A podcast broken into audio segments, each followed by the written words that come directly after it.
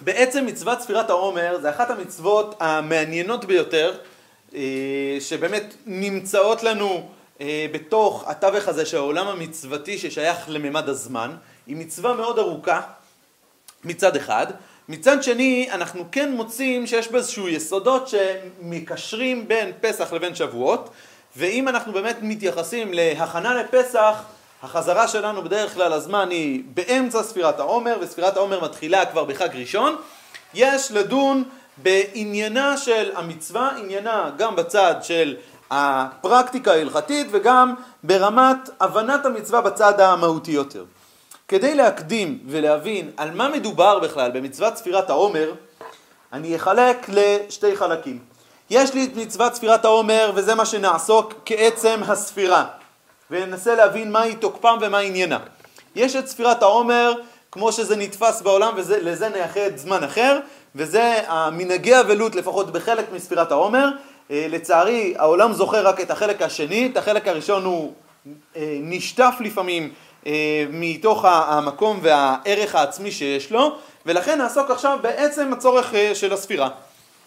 כדי להבין את מהות הספירה ואת מהות הימים האלה חייבים לפתוח ברמב"ן.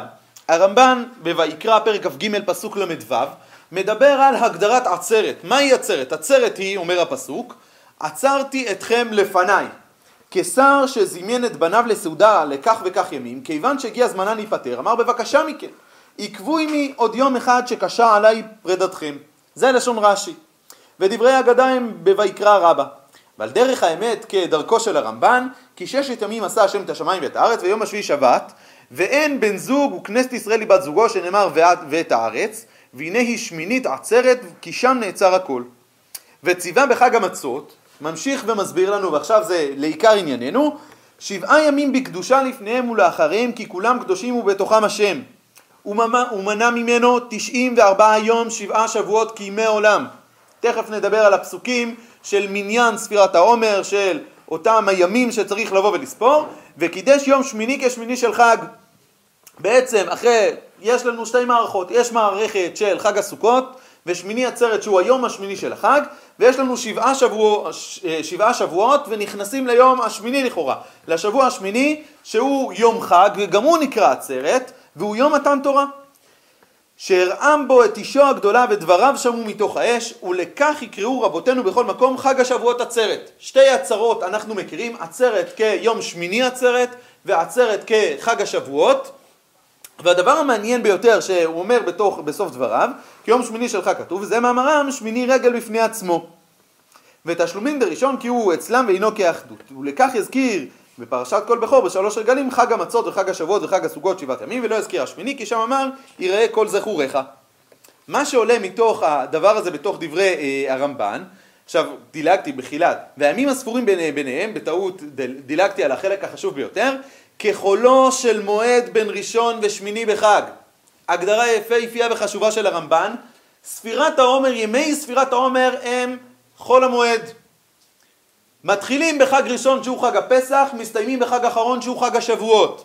בתווך יש לנו ספירת העומר. ספירת העומר היא החיבור, היא השבעה שבועות שמחברות, כמו שבעת ימי חג בחג הסוכות, שהם חול המועד שהביא אותנו לשמיני עצרת. באופן מקביל יש לנו את ספירת העומר שמחברת בין פסח לבין שבועות. ועניינם, אם הזכרנו קודם את שאלת האבלות שלא נעסוק בה היום, אבל מיסודם ימי ספירת העומר הם, הם ימי חול המועד. הם ימים קדושים, ימים שמנותקים ומרוממים מעל ימי החול הרגילים. לא בכדי, גם בתוך התהליך הנפלא הזה, לא ענייננו כרגע לעסוק בזה, אבל יש הרבה מאוד חגים לאומיים שזה חלק מהתגלות הניצוץ העליון של אותם ימים מופלאים שנמצאים בין פסח לבין שבועות. זה קודם כל על ערכם של ימי ספירת העומר. לא? שגם, גם היו זמנים של אסונות, נכון, אבל באמת דווקא אנחנו יודעים שמידת הדין מתוחה דווקא בימים גדולים ונשגבים, עברנו לא, לא מזמן את פורים, ליל הסדר זה היה זמן התענית של, אה, של אסתר, אנחנו יודעים שזמנים מיוחדים הם לטוב ולרע והם בגלל עליונותם, אבל באמת מיסודם הם באמת שייכים לעולם המועד. זה אה, מהותם ועניינם של ימי ספירת העומר ועוד נרחיב על כך בסוף הדברים. אם אנחנו חוזרים למצווה עצמה, אנחנו מוצאים שני ציוויים בספירת העומר. בויקרא פרק כ"ג, וידבר אדוני אל משה לאמור דבר בני ישראל ואמרת עליהם כי תבואו אל הארץ אשר ננותן לכם וקצרתם את קצירה ובאתם את עומר ראשית קצירכם אל הכהן והניף את העומר לפני אדוני לרצונכם ממחרת השבת יניפנו הכהן ועשיתם ביום הנבחם את עומר כבש תמים בין שנתו לעולה לאדוני ומנחתו שני עשרונים סוד לעולה בשמן אישה לאדוני ריח ניחוח ונזקו יין רביעית העין ולחם כלי וכרמל לא תאכלו עד עצם היום הזה עד אביאכם את קורבן אלוהיכם חוקת עולם לדורותיכם בכל מושבותיכם עכשיו לתוך הפרשייה הזאת יש שני פסוקים שמצטרפים וספרתם לכם ממחרת השבת מיום אביאכם את עומר התנופה שבע שבתות תמימות תהיינה עד ממחרת השבת השביעית תספרו חמישים יום והקרבתם מנחה חדשה על אדוני. נראה שבעצם בפשטות יש את הנפת העומר, את קציר העומר שקשור למקדש, ואליו מתווסף הספירה. עכשיו אנחנו רואים שהספירה היא עומדת מצד עצמה, אבל מצד שני היא נסמכת על הפרשייה הראשונה שמובאת. מקור נוסף שאנחנו מוצאים שיש את הציווי לספירת העומר זה בספר דברים שבעה שבועות תספור לך מהחל חרבש בקמה תחל לספור שבעה שבועות. ועשית חג שבועות אדוני אלוהיך משאת נדבת ידך אשר תיתן כאשר יברך אדוני אלוהיך. מקום מקביל שאנחנו רואים שיש חובה יש ציווי לבוא ולספור את שבעת השבועות. הגמרא דנה בעצם בשאלת השייכות ותכף נראה בין קורבן העומר שמונף לבין חובת הספירה, שיש פה שני דברים. הגמרא במסכת מנחות דף ס"ו עמוד א', מהחל חרבש בקמה תחל לספור, יכול יקצור ויספור, ומתי שירצה יביא, אולי יש נתק. יש לנו את העניין של קצירת העומר והנפת העומר, הבאת העומר, ויש לנו את ספירת העומר, לכאורה אפשר לבוא ולתלות שהן שתי מערכות לא תלויות. תלמוד לומר, מיום אביאכם אם יום אביאכם יכול לקצור ויספור ויביא באותו יום, אולי באותו יום יכול לעשות הכל, תלמוד לומר, שבע שבתות תמימות תהיינה. מתי אתה מוצא שבע שבתות תמימות? בזמן שאתה מתחיל למנות מבערב. זמן הספירה צריך להיות בערב, כי יש לנו דין תמימות. הדבר נכון, לא נעסוק כרגע, אבל נזכיר את זה, את דין תפילת ערבית של שבועות, מאחרים, כך נהגו ישראל, לאחר את תפילת ערבית של שבועות ולהקדים קצת את תפילת ערבית של ספירת העומר הראשונה, כדי שיהיה לנו דין תמימות. דין תמימות זה שלמות. שבאמת תהיה מערכת שלמה, שהספירה היא ספירה שלמה, כי יש לנו דין גם בספירת הימים וגם בזה שיחידת הזמן תהיה יחידה שלמה, שבע שבתות תמימות תהיינה, ולכן אנחנו באמת מחפשים את השלמות הזאת שבאה כך לידי ביטוי. בזמן שאתה מתחיל למנות בערב, יכול לקצור ואביא ויספור בלילה, תלמוד לומר, מיום אביאכם הכיצד, קצירה וספירה בלילה, והבאה ביום. הפסוק מחלק בין שני דברים, יש לנו את מאכל חרבש מקומה תחל לספור, את תחילת הקצירה ואת הספירה, אבל ב- לעניין ההבאה מובא ביום, ההבאה מובאת ביום, ולכן נראה שהספירה והקצירה תיעשה בלילה, והספירה תיעשה, וההבאה בעצם של קורבן עומר ייעשה ביום. נדלג רגע לסוף דברי הגמרא. בסוף דברי הגמרא יש דיון לאיך מונים, איך סופרים. גוף אמר אביי מצווה למימני יומי ומצווה למימני שבועי. איך מונים? מונים ימים ומונים שבועות. רבנן דבי רב אשי מנו יומי ומנו שבועי. המימר מנה יומי ולא מנה שבועי. הוא מנה רק ימים ולא מנה שבועות. אנחנו יודעים, ותכף נראה את הדינים, שספירת העומר יש בה את ספירת הימים וספירת השבועות. הדבר הזה בא לידי ביטוי כבר בפשט פסוק. פשט פסוק דיבר על שבעה שבועות, מצד אחד, דיבר על חמישים יום מצד שני. יש דין בימים, יש דין בשבועות. השאלה אם זה דין שצריך את שני החלקים, או כל חלק עומד לגופו. אה, אה, ובסוף דברי המימר, אמר זכר למקדש הוא. מה הסיבה שהוא היה מונה ימים ולא היה מונה שבועות? הוא אמר, זה מצווה שמשתמרת זכר למקדש. הדבר הזה מביא למחלוקת ראשונים יסודית ומאוד מאוד חשובה, ונראה כמה נפקמות, כמה נפקמינות, סליחה, מאוד חשובות שלה. האם ספירת העומר היא מצווה מקדשית? וכיום אנחנו מקיימים אותה רק מדין זכר למקדש, או מצוות ספירת העומר היא מצווה מדאורייתא גם היום.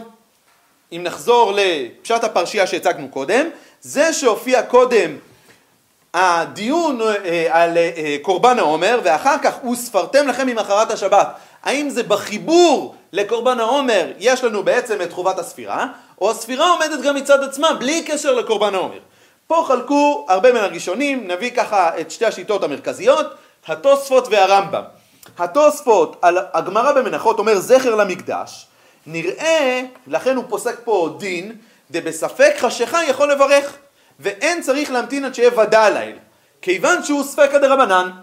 מתוך הזכר למקדש מבין התוספות, לכן במציאות אנחנו יודעים שספק חשיכה זה עדיין לא ודאות חשיכה, אומר גם בסיטואציה הזאת שזה ספק יום, למרות שהגמרא אמרה במפורש שהספירה צריכה להיעשות בלילה, כי זה זמן הספירה, אומר בספק כזה זה ספק דה רבנן לכולם ולכן ממילא האדם יכול לבוא ולספור. ולכן נראה מתוך דברי התוספות שספירת העומר שלנו היום היא באמת זכר למקדש כדברי המימר. הרמב"ם לא מקבל את זה. והרמב"ם כותב באופן מאוד ברור בהלכות מדין ומוספים פרק ז' הלכה כ"ב מצוות עשה לספור שבע שבתות תמימות מיום הבאת העומר שנאמר וספרתם לכם ממחרת השבת שבע שבתות ומצווה למנות הימים עם השבועות שנאמר תספרו חמישים יום ומתחילים היום ומונים לפיכך מונה בלילה מליל שש עשר בניסן סליחה שישה עשר בניסן. מה שעולה ברמב"ם באופן מפורש מצוות ספירת העומר היא מצוות עשה לכל דבר ועניין ולכן המחלוקת פה יוצאת מחלוקת תאומית ותכף נתחיל לעסוק בענייני הנפקמינות שעולות אה, אה, לאור השיטות השונות. אבל השאלה המהותית האם מצוות ספירת העומר היא רק זכר למקדש או מצוות ספירת העומר יש חובה לבוא ולספור. השולחן ערוך פוסק נראה כשיטת התוספות. אומר השולחן ערוך בסימן תפט סעיף ב' אם טעו ביום מעונן וברכו על ספירת העומר חוזרים לספור כשתחשך והמדקדקים אינם סופרים מצאת הכוכבים וכן ראוי לעשות.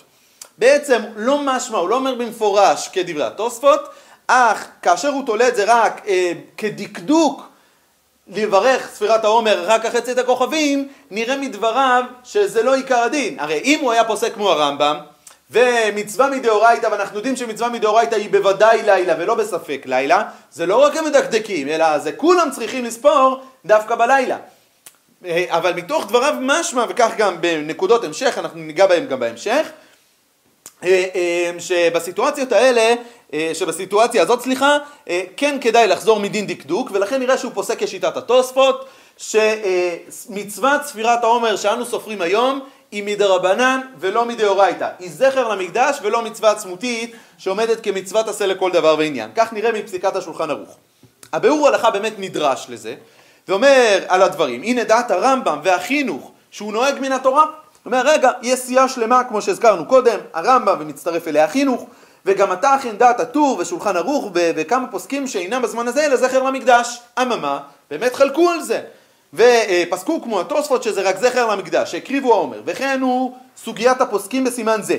אכן, באמת הרמב"ם גם כן לאו יחידה, הוא לא דעת יחיד, שגם רבנו רבי ישעיה בשיבולי הלקט וכן הוא דעת רבי בנימין שם, וכן דעת הרביה באור זרוע, וגם האור זרוע מודה לבדינו, וכן מדברי רבי, רב יהודאי ורב עמרם וריץ גיאת שהסכים לדבריהם. יש פה סיעה מאוד מאוד גדולה שסברה שמצוות ספירת העומר היא מצווה מדאורייתא גם שלנו היום, והיא לא תלויה דווקא במקדש, ולכן הוא באמת מגיע למסקנה, ולפי זה יסד גדול למנהגנו, שאנו זהירים שלא לספור עד סט הכוכבים אחרי דלדעת כמה רבותא הוא דאורייתא. ואחר כך מצאתי כן, זה גם כן באליה רבה שלא זכר, שלא הזכיר כל עני הגדולים שכתבנו. בעצם הביאור ההלכה בא ואומר, נכון, השולחן ערוך בא ואמר זה דין המדקדקים להקפיד אחרי צאת הכוכבים. אבל באמת יש פה סיעה מאוד גדולה שסברה שזה דין דאורייתא, לכן ראוי להקפיד על ספירת העומר שהיא תיאמר, שהיא תיספר לאחר צאת הכוכבים. למעשה היום הדבר הזה מאוד אקטואלי, כי אנחנו עוברים לשעון קיץ, בסביבות פסח, ויוצא שרוב ספיר, שספירת העומר אה, היא בדרך כלל נספרת בשעון קיץ במלואה, השאלה עולה לשתי מקומות. יש אנשים, לא ניכנס עכשיו לדיני תפילה, אבל שמסמיכים את ערבית למנחה. ולכן בסיטואציה כזאת שמסמיכים את ערבית לפני צאת הכוכבים, ראוי לבוא ולהקפיד. הדבר המקובל בעוד מקום שהוא מאוד נהוג, יש קהילות שבשעון קיץ מכניסות שבת מוקדם ועושות תפילת ערבית מוקדם. והדבר הזה יש לו יסוד, לא נדון עכשיו בענייני תפילה ומתי אפשר לבוא ולהתחיל להתפלל אבל יש באמת לאור דברי הביאור הלכה ולאור גם דברי השולחן ערוך להקפיד במיוחד בספירת העומר שהיא נעשית בעצם בשעון קיץ לספור ספירת העומר אחרי צאת הכוכבים. כי ספירה קודם צאת הכוכבים אז ראינו שבספק חשיכה השולחן ערוך באמת אמר רגע אז תספור בלי ברכה אבל הביאור הלכה אמר מצד האמת, מצד העניין, אמנם לא פסקנו כשיטת התוספות, אבל הסיעה השנייה שמדברת על זה שעיקר מצוות הספירה היא מצווה שמדאורייתא ויש פה באמת סיעה גדולה, ראוי באמת לבוא ולהקפיד על זה אה, ולהשתדל בכך מאוד. נפקא מינה נוספת מאוד מעניינת שעוסקים בה האחרונים היא לעניין הנוסח. מי שיסתכל על הנוסח בהרבה מאוד מהסידורים, בלשם ייחוד, מה כתוב? כמו שכתוב בתורה. בעצם, נראה שאנחנו אומרים, רגע, מצוות אה, ספירת העומר עכשיו זה כמו שכתוב בתורה, מצווה מדאורייתא. ולכן גם הדברי יציב וגם הרב עובדיה, תכף נקרא בפנים, באים ואומרים, רגע, הנוסח הזה הוא נוסח קצת בעייתי, וראוי להשתדל שלא. אומר הדברי יציב, חלק אה, באור החיים, סימן אה, רי"ד, המורה מכל האמור, שכל הפוסקים הראשונים והאחרונים, רובם ככולם כתבו דלכתחילה מיד לא יספור קודם צאת הכוכבים, ובפרט לסופרים דהספירה מהתורה, וכן הכת אה, היבץ באליה רבה או בשולחן ערוך, שולחן ערוך הרם שיש לחוש לדעה זו, וכן משמע קצת מנוסח לשם איחוד הנהוג לומר לקיים מצוות עשה של ספירת העומר כמו שכתוב בתורה. ושואל על זה על דברי יציב, וזה לימים רבים שמנהגי לדלג על התיבות הללו, ולומר לקיים מצוות ספירת העומר. וכתוב בתורה, וממילא להמשיך את לשם איחוד. כיוון שלדעת רוב הפוסקים, הספירה בזמן הזה דה רבנן, ושמחתי שמצאתי כעת באור, באור חותחיים החדש שהביא כן בשם ספר מעורי אור, וביותר יש לחוש בזה לפי שיטת הרמב"ם, בספר, בסוף הלכות ממרים, שבכלל בל תוסיף שלא לומר על תקנת חכמים שהיא דבר תורה שהעריכו בזה.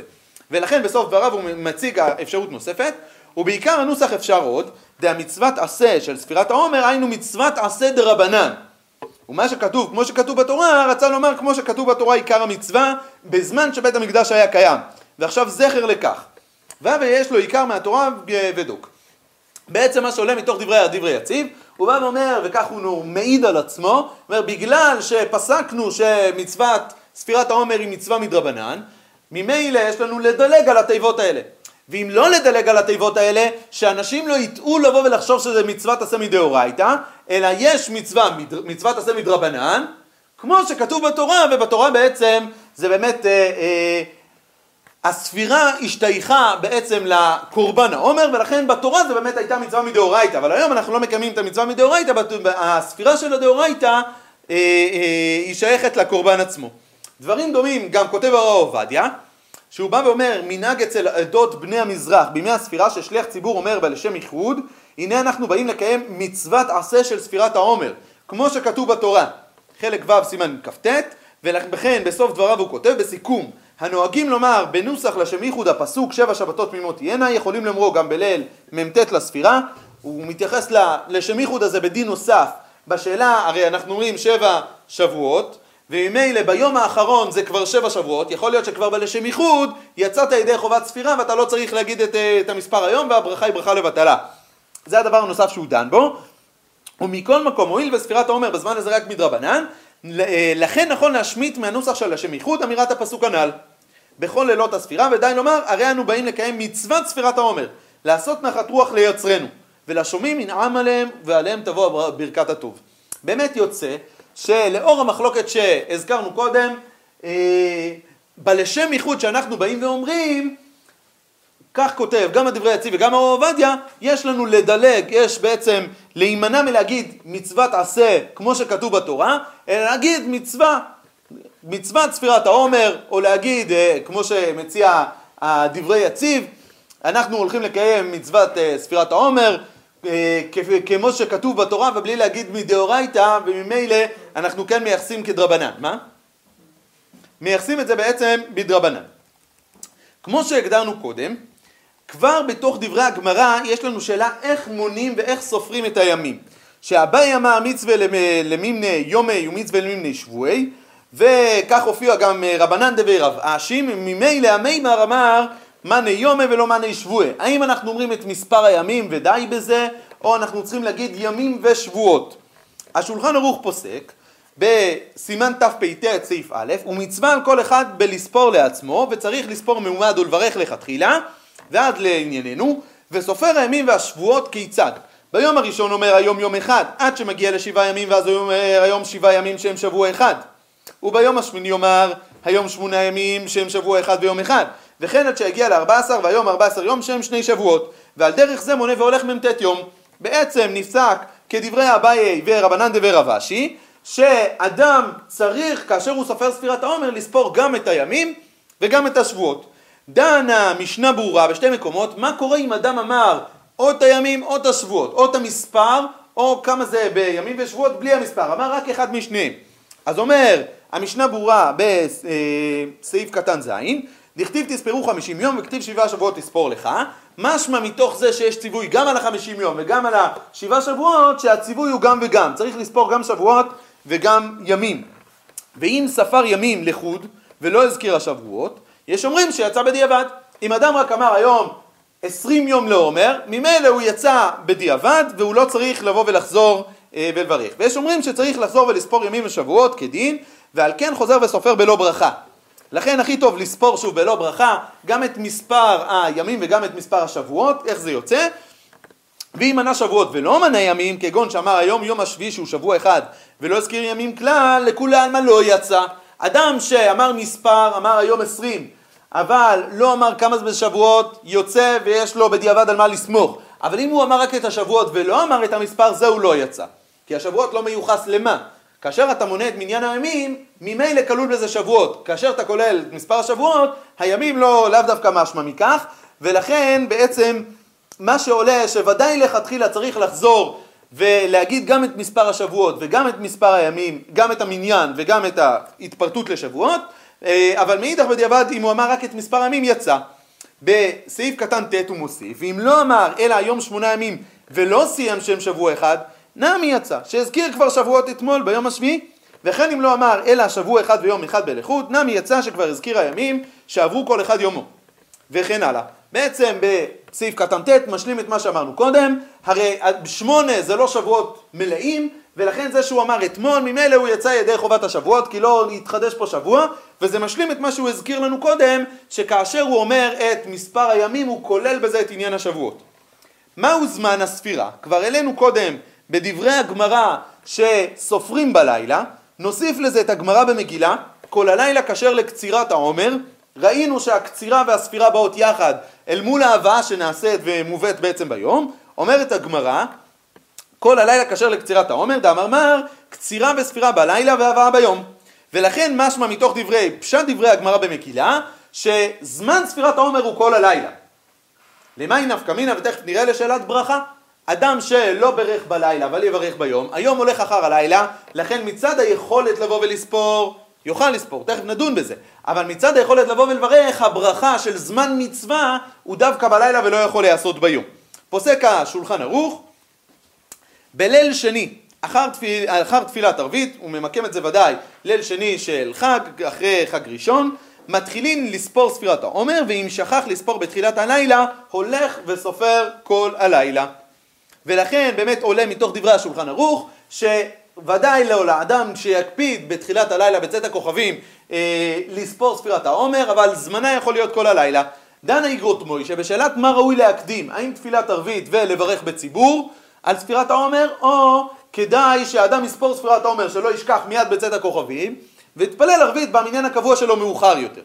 ציבור שיש להם עניין קבוע, בשעה מאוחרת בלילה, וסומכים על זה מי שצריך לאכול קודם ערבית. אנחנו יודעים שיש איסור אכילה, אלא אם כן יש לו איזה מניין קבוע שהוא מגיע, מגיע אליו וזה מזכיר לו לא לשכוח את תפילת ערבית.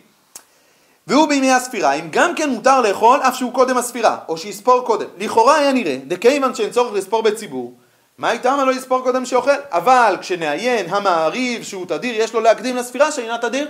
אנחנו יודעים שגם על סדר התפילה, אה, ספירת העומר נמצאת אחרי ערבית, כי תדיר ושאינו תדיר תדיר קודם, ולכן תפילת ערבית היא קודמת לספירת העומר. אממה, הוא באמת דן בשאלה האם עדיף להסמיך את זה לערבית לאחריו או בתחילת הלילה. מכל מקום ממשיך בחלק המודגש הבא, האיגות מוישה, עדיף מכל מקום לעשות ברוב עם כל המצווה. אף שהוא דבר שאין לעניין בציבור. אנחנו יודעים ספירת העומר זה לא דין בציבור, אין לה עניין בציבור, אבל ראוי לעשות בה ברוב עם, וגם טעם נוסף מאוד פרקטי שהוא עלול לשכוח ואחר כך שיניח מלספור עם הציבור, על כל פנים בליק הטעם ודאי תדיר קודם אה, וכולי. וזה גם בעצם מסקנת דבריו, שאדם שיש לו מניין קבוע יכול לסמוך על זה שיגיד את ספירת העומר, הדבר הזה נכון גם קיום מצווה בהידור ברוב עם, וגם מזה שיהיה לו ודאות על מניין הימים של הספירה של אותו יום. אדם שיש לו איזושהי חשש שהוא לא יודע מתי הוא יתפלל ערבית, או אדם שהוא לא יודע אם הוא יזכור יותר מאוחר אה, במקרה כזה או אחר, אה, אז ודאי שטוב לו שיגיד בתחילת הלילה בצאת הכוכבים, ובכך הוא יקיים את המצווה אה, בהקדם, בזמן שמיד אפשר לבוא ולקיים אותה. יש שאלה בראשונים מאוד משמעותית שהיא שייכת גם למה שאמרנו עכשיו, לדברים שאמרנו עכשיו, אבל תכף נראה גם אה, לשאלת ההפסקות או שאלת הפספוסים השונים בתוך הספירה, והדיון האם יש צורך ברצף הימים או כל יום עומד לעצמו. אנחנו ראינו קודם שהתורה אמרה שתי דברים, היא אמרה חמישים יום והיא אמרה שבעה שבועות. יש חמישים יום כרצף ויש שבעה שבועות שכל יום הוא אחד בתוך מהלך השבוע וזה נכנס למחלוקת ראשונים גדולה. אומר, מצטט לנו דרך הרב עובדיה נעמוד על המחלוקת הזאת, אומר הרב עובדיה בחלק ג' באור החיים סימן כ"ח ומעתה נבוא לבאר ספירת העומר. ידועה מחלוקת הראשונים אם ספירת כל לילה ולילה היא מצווה בפני עצמה או כל הלילות כולם מצווה אחת כדכתיב תמימות תהיינה. הנפקא מינה תהיה לאותו אדם שהפסיק באמצע, האם הוא פספס את המצווה? בשפה העממית, נכון, נפסל, נכון, זה השפה העממית, נפסל בספירת העומר וכבר לא שייך, או זה טעות, וכל לילה מצד עצמו יש בו חובה מצד עצמה. ומביא פה שיטות ראשונים, שבאג, שאם הפסיק יום אחד ולא ספר שוב אינו סופר דבעינן תמימות, וכך כתוב בתוספות, אה, וכך כתב דעת הראש, והמאירי והריטב"א, שכן דעת רבותיו, וכן כתב האגודה ומהר"ם, מביא ככה סייעה מאוד מאוד גדולה, ראשונה לפחות, שמדברת על הרציפות, על הצורך אה, לייצר תמימות. תמימות, סליחה. וריץ גיאק בחלק המודגש הבא, אלא כרב יהודאי, שלא עלו בידו תמימות כיוצא בזה. מכל מקום סיים, אבל להתעכב מספור של הלילות אינו מתעכב. אלא סופר והולך, וזה דבר מאוד חשוב, שגם אם הוא לא קיים תמימות, אומר הריץ גיאק, עדיין יש עליו חובת ספירה. ולכן מסכם הרב עובדיה, ועל כל פנים רבו הגאונים, דסביר עלי בשכח לספור לילה אחד שאינו סופר עוד בברכה, ומרן בשולחן ערוך פסק בזה הלשון, אם שכח לברך, ופה אני בשולחן ערוך שמופיע מיד אחריו, אם שכח ולא ברך כל הלילה, יספור ביום בלא ברכה, אבל ממשיך על זה השולחן ערוך, אם שכח לברך באחד הימים, הרי הזכרנו קודם שאם הוא שכח לברך בלילה יכול להשלים את זה ביום, כי היום הוא חלק מהלילה, הוא המשכיות הלילה. אבל לא ברכה, כי זה לא זמן הספירה. ולכן בלילה הוא מברך עם ברכה, ביום הוא יכול לספור בלי ברכה. אבל מה קורה אם הוא שכח ביום אחד לגמרי, בין מיום אחד בין משאר הימים, סופר בשאר הימים בלא ברכה. ובוודאי שאין לזוז מפסק השולחן ערוך. ולכן הפסק הזה מאוד מאוד חשוב, וכך פוסק השולחן ערוך, שאדם שפספס את אחד מן הימים, זה לא אומר שעכשיו אין לו עניין להמשיך לבוא ולספור את שאר הימים. הוא לא יכול לברך, אבל יש עליו חובה לבוא ולספור. ולכן, אדם ששכח באחד הימים, כן צריך להמשיך לבוא ולספור יחד עם הציבור, יחד עם הקהל כולו, את ימי ספירת העומר. על אף שהוא לא מברך. הוא לא יכול לבוא ולברך כי אין לו דין תמימות, אין, כמו שראינו ברוב הראשונים, התייחסו לזה כאיזושהי יחידה אחת בספירת העומר, ולכן אדם שפספס את אחת מהיחידות, ממילא אין לו את הרצף של תמימות, עליהם הוא לא יכול לברך. אבל בגלל שיש, כמו כדברי ריץ גיאת, גם ערך בכל יום ויום כעומד מצד עצמו, האדם צריך לבוא ובאמת להגיד את ספירת העומר, לספור ספירת העומר בלא ברכה. לשם ייחוד אין בעיה. זה לפני, לפני כל מצווה, וזה גם אה, אפילו לא מצוות שאנחנו מברכים עליהן, אומרים לשם ייחוד, לכן מזה אין בכלל בעיה. אבל זה דבר מאוד מאוד חשוב, כי לפעמים הרבה אנשים טועים בזה, באים ואומרים, טוב, אם שכחתי את ספירת העומר, אני כבר לא אמשיך לבוא ולספור. ופה צריך לבוא ולחלק. יש את עניין הברכה, והיא שייכת לרצף, ויש את עניין הספירה. והספירה היא מחויבת גם אם פספסת את הרצף ואתה לא, אה, לא יכול לברך על המצווה. מה קורה לאדם השוכח? כמו שהזכרנו קודם, אז ממילא אה, דברי השולחן ערוך שסופר בשאר הימים, הדברים מופיעים גם בתוספות שמביא את ההלכות גדולות שאם הפסיק יום אחד ולא ספר שוב ואינו סופר משום דבעינן תמימות והתוספות עצמו מגיב על זה ותימה גדולה הוא ולא ייתכן. ויש פה באמת מחלוקת כמו שהצגנו קודם בדברי הרב עובדיה ובאמת כמו שפוסק לנו השולחן ערוך סופר בשאר הימים בלא ברכה באופן מובהק. מוסיף על זה המשנה ברורה, דיש לחוש לדעת הפוסקים, דין זמן ספירה אלא בלילה, וכשמברך ביום הוא לבטלה, מי הוא מכאן ולהבא סופר בכל לילה אה, בברכה, לא אבי כדילג יום אחד לגמרי, שאינו סופר עוד בברכה כדלקמי. זאת אומרת, מה ההבדל בין זה לבין מקרה שהוא סופר ביום? כאשר הוא סופר ביום ולא ספר בלילה, יום לפי חלק מהפוסקים הוא עדיין זמן ספירה, גם אם הוא לא זמן ברכה. אבל אם הוא דילג על יום אחד שלם, ממילא ברצף התמימות הוא לא נמצא, ולכן לברך בכלל הוא לא יכול להיות, אבל יש לו דין כאותו אדם ששכח לברך בלילה וישלים את זה ביום. ולכן אנחנו רואים, אם הוא לא ברך בלילה, סופר ביום בלא ברכה. אותו דבר, אם אדם דילג על יום אחד, שכח יום אחד לבוא ולספור לו, יכול לברך, אבל יכול להגיד כדין יום, להגיד את מניין הספירה וצריך להגיד על פי פסק דברי השולחן ערוך. זה בסיטואציה שהוא שכח לגמרי. מה קורה אם הוא יתלבט? ספק. אומר תרומת הדשן, בסימן ל"ז, אם ספק לאחד, אם ספר לילה אחד לאו, איך יעשה מכאן ואילך? יספור בברכה לאו? אנחנו ראינו שבעצם כאשר הוא שכח אז לא יכול לברך. אבל מה קורה בספק? הדבר הזה שייך לעיקרון שראינו קודם, שאלה גדולה האם מדובר על דין דאורייתא או על דין דרבנן. אם מדובר על דין דאורייתא אז יכול להיות שלא נברך. אבל אם מדובר על דין, דין דרבנן בספק, אולי כן נבוא ולהקל. ולכן באמת פוסק תרומת הדשן, יראה די ספור בברכה מכאן ואילך, ולא מבעיה אם נזכר ספירתו ביום הוא. מה? הברכה עצמה היא גם דאורייתא? לא, הברכה היא דרבנן, אבל יכול... נכון, אבל אם יכול להיות הוא כבר לא יקיים את המצווה, יש פה איזשהו... דאורייתא. כן, היא נכון. בסדר? ולכן אם הוא כבר לא מקיים את המצווה, אז נגיד ספק ברכות להקל וכבר שלא יגיד את הברכה בכלל. אבל אם... אה, כן. בסדר? אה, ולכן בעצם פוסק באמת אה, תרומת הדשן, שאם הוא בספק, אה, יראה די יספור בברכה מכאן. והלאה. וכך פוסק באמת השולחן ערוך, אם הוא מסופק אם דילג יום אחד ולא ספר, יספור בשאר הימים בברכה. ולכן דין ספק צריך לספור פה בברכה. עכשיו, גם פרי חדש וגם המשנה ברורה מוסיפים, ומכל מקום בספק מצינו למסמך מה הסברה, ספק ספקה. גם, גם הפרי חדש וגם משנה ברורה מסבירים את הטעם הזה בתור ספק ספקה. סליחה. ספק אם דילג או לא. ספק הראשון שלא בטוח לו שבכלל הוא דילג. ואם תמצאי לומר דילג, אפשר לומר שהלכה כרב יהודאי שלא הפסידה ספירה ולפיכך יספור בברכה.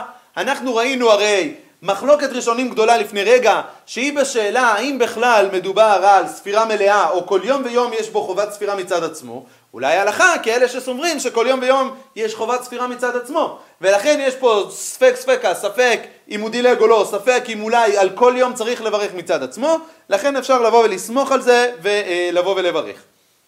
עד פה בעצם מה שעולה לנו בדיני ספירת העומר. אם אנחנו יכולים לבוא ולאסוף את דיני ספירת העומר, לפני שנחתום בדברים היפים של הרב קוק, אה, יש בספירת העומר הגדרת מצווה והיא שאלה גדולה, מחלוקת גדולה בין הראשונים, האם המצווה הזאת היא מצווה שאנחנו מקיימים אותה היום רק מדין הזכר למצוות המקדש, או מהדין דאורייתא. השאלה הגדולה הזאת מעלה הרבה מאוד נפקמינות, ורוב הנפקמינות שעסקנו בהן, במקרה ששכח, במקרה של השם איחוד, במקרה שמתלבט בו, הם באמת נובעים מתוך העיקרון הזה של שאלת מצוות הדאורייתא דרבנן, אך מכיוון גם לצד השני שיש סיעה מאוד גדולה שמדברת על זה שמצוות ספירת העומר מצווה מדאורייתא, אנחנו רואים למה יש וראוי להחמיר במצווה בין מצד הזמן שלה של לבוא ולברך, בין מצד ההקפדה שלה לבוא ולהקפיד כי יש פה אולי באמת מצווה שהיא ספק על אף שהיא הוכרעה כנראה כדרבנן לפי רוב הפוסקים אבל יש בה יותר מסרח מסוים של שיטה שעוסקת בזה שזה דין דאורייתא ולכן יש אה, מה לבוא ולהקפיד אה, בה אף יותר. אני רוצה לחתום בתוך דברי הרב קוק שמזמינים, אמנם לא עסקנו בסגולות הפנימיות העמוקות של ספירת העומר וראוי, ספירת העומר כמו שפתחנו בהתחלה בשם הרמב"ן, זמן מיוחד, זמן לעבודה וידוע ומקובל בכל הסידורים, לא ניכנס לזה, אבל המידות שהאדם הולך ומטהר את מידותיו בתהליך הזה בין פסח לבין שבועות, מהחסד ועד המלכות, לבוא ולזקק את עצמו, לבוא ולהביא את עצמו לכדי מתן תורה, ולכן התהליך הזה של ספירת העומר כחולו של מועד בלשון הרמב"ן הוא דבר מאוד מאוד גדול. ננסה אה, לפתח קצת את הרעיון היפה של הרמב"ן דרך דברי הרב קוק באורות ישראל, אומר הרב קוק ככה יסוד האמונה השלמה שבלב נובע מעומק סגולת הנפש שבישראל לעומתו, מכוון קורבן העומר של שעורים. שעורים זה מאכל בהמה. הנוטע, הנוטה, סליחה, רק לרגש הטבעי. אחריו ועל גביו בא יסוד העילוי השכלי והלימודי. אמנם חולשת האדם גורמת שבהיותו מוכשר למחקר שכלי, יוחלש בו יסוד הנטייה האמונית, ובהיותו שלם באמונה הוא עלול למעט בהשכלה חוכמת הלב. תכלית דרך הישרה, שכל כוח לא ימעט את חברו ולא, ימעט, ולא יתמעט על ידו, כי אם יתגלה במלוא עוזו, כאילו הוא היה שולט לבדו. כוח האמונה צריך שיהיה שלם, כאילו אין שום אפשרות, אה, אפשרויות של מחקר. ולעומת זאת צריך שכוח החוכמה גם כן מעולה ומזורז כמו שלא היה על ידו כוח של אמונה בנפש. יש לנו שני חגים מופלאים. חג הפסח שהוא חג האמונה בשפה אחרת. הוא חג של התרגשות הלב, ההערה הגדולה שבחיבור בין ריבונו של עולם אלינו, לעם ישראל שהוא בא וגואל אותנו, זה מצד אחד, ומצד השני יש לנו את חג מתן תורה, שבמתן תורה מה שמתחדש ומה שמתגלה זה בעצם אור התורה הנשגב. החוכמה האלוקית שבעצם תמונה במציאות. אומר רב קוק יש פה שתי תנועות שאנחנו מנסים להחזיק אותן בצורה מלאה וזה החיבור של ספירת העומר בין כוח האמונה שאנחנו רוצים שהאמונה תהיה במלוא עוזה בכל כוחה לבין כוח החוכמה שיפעם בכל כוחו בצורה מלאה. ולכן התהליך השלם הזה של ספירת העומר הוא בא להחזיק משני המהלכים. וכך מבואר בסוף דבריו ולפיכך מחובר הוא פסח לעצרת על ידי ספירת העומר שבבית המקדש שהיא מחברת את מנחת השעורים מאכל הבהמה נטיית הרגש הטבעית אל החטאים מאכל האדם. העילוי השכלי והרוחני עץ הדעת חיטאיה ושני הכוחות היסודיים האלה מגלים את כל מלוא ערכם ופעולתם במעמקי הנפש ובמרחבי החיים באופיים כל אחד בצורתו העצמית השלמה באין שום דבר מעיק לו כלל ובהתכנסם והתקשרם יחד למערכה אחדותית עליונה המציאות השלמה היא לא פסח לכשעצמו ושבועות לעצמו, היא אלא ספירת העומר שעניינה לחבר בין שני הנקודות. אם נחזור לדברי הרמב"ן, אותו חול המועד, חול המועד הוא מקשר בין המועד הראשון למועד האחרון, וזה עניין ספירת העומר וזה אולי הסגולה העמוקה שמתבררת במצוות ספירת העומר. אין עניינה רק בלספור ימים כדי לדעת מהו חשבון הימים של חג השבועות, אלא עניינם בעבודה רוחנית פנימית של האדם, שהוא בה יהיה מוכן מצד אחד להאיר את כוח האמונה במלוא סגולתו החסד שבחסד שמופיע בהארת פסח לכדי המלכות שבמלכות שבה הוא האדם יכול לבוא ולקבל את התורה, אבל לא להשאיר את זה רק לעבור, היה בחסד יגיע למלכות, אלא להחזיק את כוח האמונה ככוח שלם ועמוק וממילא גם את כוח החוכמה שמתגלה בתורה בכוח שלם ועמוק. אם אפשר להוסיף לזה באמת כמה מילים, כל יום ויום מימי ספירת העומר יש בו ערך עצמי גדול ונשגב שהאדם יכול לבוא ולתקן את מידותיו ולא רק כדי לתקן ולהגיע ליום הבא, לא רק כדי להגיע לכדי השלמות, אלא גם כל יום עומד מצד עצמו. אם נחזור למחלוקת ראשונים שראינו קודם, האם מצוות ספירת העומר היא החמישים יום או על שבעה שבועות, האם זה בעצם יחידה אחת או כל יום ויום עומד מצד עצמו? בפן הרעיוני נוסיף לזה שמזה ומזה אל תנח ידך, וזה קשור גם לספירה שלנו שאנחנו סופרים גם את הימים וגם את השבועות. אנחנו רוצים שגם כל יום ויום מספירת העומר יהיה משמעותי, יהיה יסודי, שבו אנחנו נצליח לעבוד ולתקן את המידה המיוחדת ולהביא אותה לכדי זיכוך שלם כעומדת מצד עצמה ומאירה באור העליון שלה, ומצד שני ודאי להוביל לתהליך השלם שהתקללות הכוחות יחד כדי להחזיק את כוח האמונה יחד עם כוח החוכמה, כמו שמתאר לנו הרב קוק, את החיבור של בין האמונה של פסח לבין החוכמה של חג העצרת, חג השבועות, בצורה שלמה. שיהיו חיים יפים.